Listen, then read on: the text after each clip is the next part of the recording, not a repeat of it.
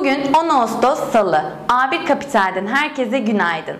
Asya piyasalarında hisse senetleri delta varyantı ile artan vakalar ve teşviklerin geri çekileceği, takvimin öne alınacağına dair endişelerle karışıklık seyretti.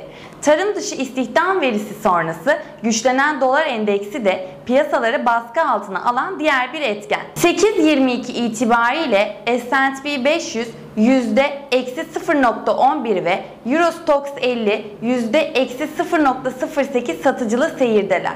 BIST 100 endeksi ise 9 günlük yükseliş hareketinin ardından dün %0.15'lik düşüşle kapanması ile yükseliş hareketini sonlandırdı.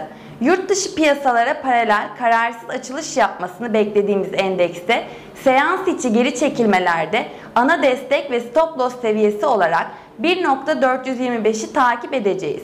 1435 ve 1441 ise gün içi dirençler olarak dikkat çekmekte. Veri gündemine baktığımızda yurt içinde TÜİK Haziran ayına ilişkin iş gücü istatistiklerini açıklayacak. İşsizlik oranı bir önceki ay %13.2 olarak açıklanmıştı. Yurt dışında ise önce Almanya'da ZİV Ekonomik Duyarlılık Endeksinin 63.3 seviyesinden 57.5'e gerilemesi bekleniyor. Ardından ABD'de tarım dışı verimlilik verisini takip edeceğiz. Pozitif kalın, herkese bol kazançlar.